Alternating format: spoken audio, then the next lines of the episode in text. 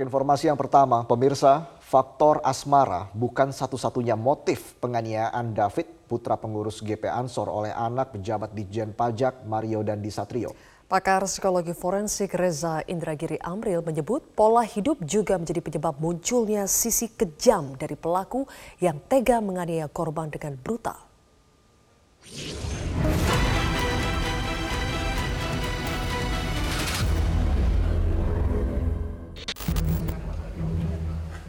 Asmara menjadi salah satu faktor penganiayaan yang dilakukan oleh Mario dan Disatrio, anak pejabat Ditjen Pajak terhadap David hingga koma.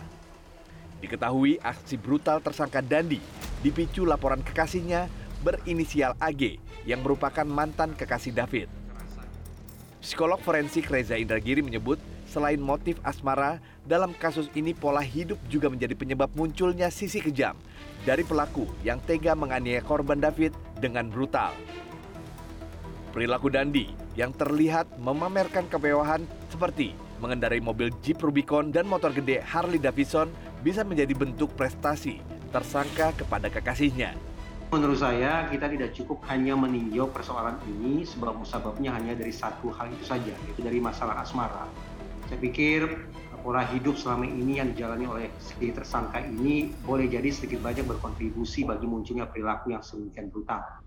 Bukan hanya masalah asmara, barangkali juga adanya pengasuhan, adanya pemanjaan, ketidakmandirian, kemudian keberadaan benda-benda mewah yang memunculkan perasaan maco, dan berhadap-hadapan dengan orang yang dipandang memang layak untuk dijahati secara sempurna.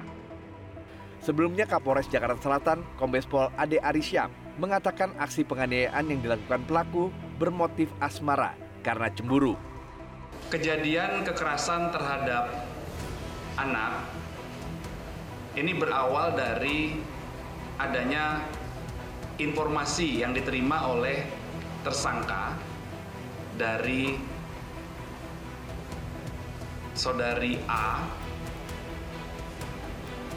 Saudari A menyatakan ke tersangka bahwa telah dilakukan uh, perbuatan yang tidak baik kepada saksi A. Saat ini, polisi menetapkan dua tersangka kasus penganiayaan anak di bawah umur, yaitu tersangka Mario dan Disatrio dan S, yang merupakan teman dari Mario. Seorang ibu di Merangin, Jambi dengan tega menganiaya anak kandungnya hingga tewas. Kasus penganiayaan hingga tewas ini terus didalami Polres Merangin karena diduga kekasih pelaku juga terlibat penganiayaan. WD, warga kecamatan Bangko, Kabupaten Merangin, tega menganiaya anaknya sendiri hingga tewas lantaran tidak mau mengikuti kemauan sang pelaku untuk mengangkut air.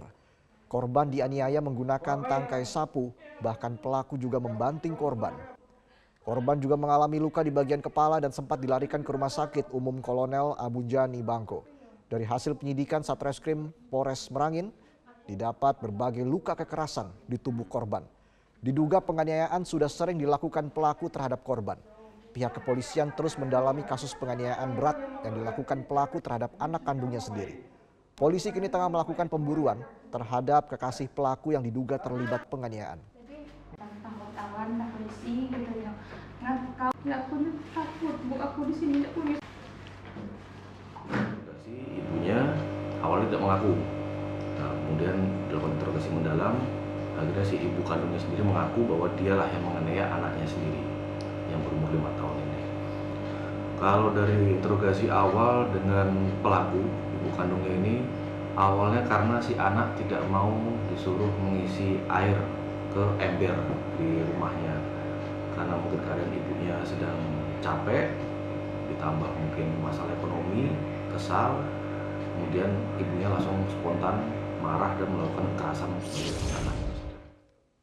Satu orang meninggal dunia dalam insiden kebakaran rumah sekaligus tempat usaha cuci pakaian di Desa Sutawingangun, Kabupaten Cirebon, Jawa Barat. Kebakaran diduga terjadi akibat korsleting listrik. Kebakaran hebat melanda sebuah rumah sekaligus tempat usaha laundry Sabtu siang. Api dengan cepat merambat dari tempat laundry di lantai satu ke lantai dua karena banyaknya material yang mudah terbakar. Kencangnya angin juga memperparah kobaran api. Akibat kebakaran ini, seorang pekerja laundry ditemukan tewas mengenaskan di dalam kamarnya. Korban atas nama Khairul Maulana meregang nyawa karena tak sempat menyelamatkan diri saat api melahap bangunan. Sedangkan dua pekerja lainnya berhasil menyelamatkan diri saat berada di lantai bawah. Kebakaran hebat diduga terjadi akibat korsleting listrik di lantai dasar tempat usaha laundry berada. Selain mengakibatkan satu korban tewas, kebakaran ini ditaksir menyebabkan kerugian hingga ratusan juta rupiah. dari bawah, dari lantai satu, terus naik ke lantai atas, dan korban terjebak di lantai atas di kamar. kondisi korban Kondisi korban meninggal dunia. meninggal dunia bisa meninggal tuh perkiraan kenapa Ah, itu api terlalu besar, Pak. api terlalu besar, terus dia buka pintu, api udah, udah ada di depan pintu. Puluhan warga di jalur Pantura, Cirebon, Jawa Barat menyerbu sebuah truk tangki minyak yang terperosok ke dalam sebuah parit. Warga pun berebut mengambil minyak curah yang tumpah dari truk. Sebuah truk bermuatan 8 ton minyak curah ini terperosok dan nyaris terguling setelah roda kiri belakang amblas di ke, ke sebuah parit. Miringnya bagian belakang tangki mengakibatkan muatan minyak goreng tumpah dan menetes ke jalanan. Warga setempat yang mengetahui kejadian tersebut langsung berbondong-bondong datang ke lokasi. Bukannya membantu evakuasi, para warga justru sibuk mengais minyak curah yang tumpah. Bahkan tak sedikit warga yang nekat naik ke atas truk tangki. Petugas kepolisian yang tiba di lokasi pun langsung mengamankan truk dan muatannya. Petugas berupaya mencegah penjarahan minyak yang dilakukan warga karena khawatir minyak yang licin membuat truk terguling. Tidak ada korban jiwa maupun luka dalam insiden ini, namun banyaknya warga di lokasi membuat arus lalu lintas sempat tersendat.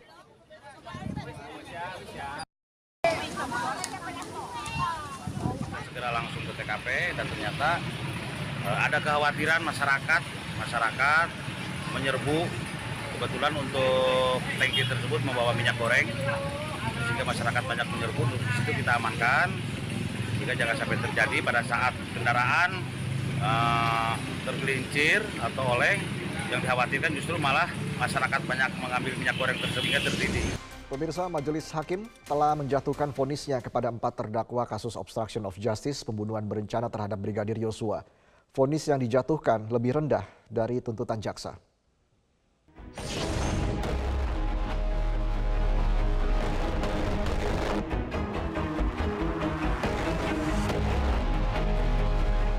Majelis Hakim Pengadilan Negeri Jakarta Selatan telah menjatuhkan vonisnya terhadap empat terdakwa kasus obstruction of justice, pembunuhan berencana Brigadir Yosua. Mereka adalah Arif Rahman Arifin, Cuk Putranto, Baikuni Wibowo, dan Irfan Widianto. Pada Jumat 24 Februari, Cuk Putranto dan Baikuni Wibowo dijatuhi vonis masing-masing satu tahun penjara. Hakim menyatakan bahwa keduanya secara syah melakukan perbuatan melawan hukum yang menyebabkan terganggunya sistem elektronik atau rekaman CCTV. Penjatuhan pidana kepada terdakwa Cuk Purtanto SIK oleh karena itu dengan pidana penjara selama satu tahun. Menjatuhkan pidana pada terdakwa Kunibo SIK oleh karena itu dengan pidana penjara selama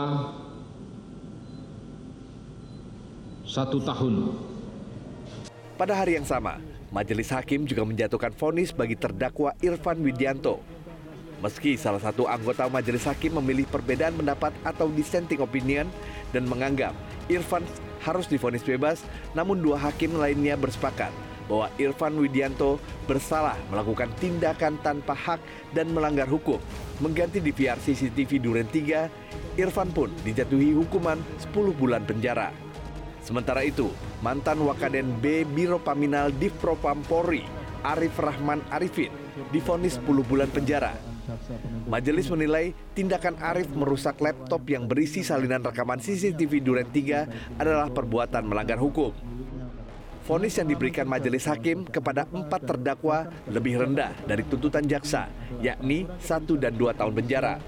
Sebelumnya, mantan Kadif Propam Polri, Verdi Sambo, mengaku bersalah dan berdosa karena telah menyeret anak buahnya dalam kasus pembunuhan berencana terhadap Brigadir Yosua. Dirinya pun berulang kali mengatakan bahwa dirinya akan bertanggung jawab atas kasus obstruction of justice. Ferry Sambo sendiri telah difonis majelis hakim hukuman mati. Saat ini masih ada dua mantan anak buah Ferry Sambo yang masih belum menerima vonisnya. Mereka adalah terdakwa Hendra Kurniawan dan Agus Nurpatria. Keduanya dituntut masing-masing tiga tahun penjara oleh jaksa penuntut umum. Rencananya, vonis terhadap Hendra dan Agus Nurpatria akan digelar pada Senin 27 Februari.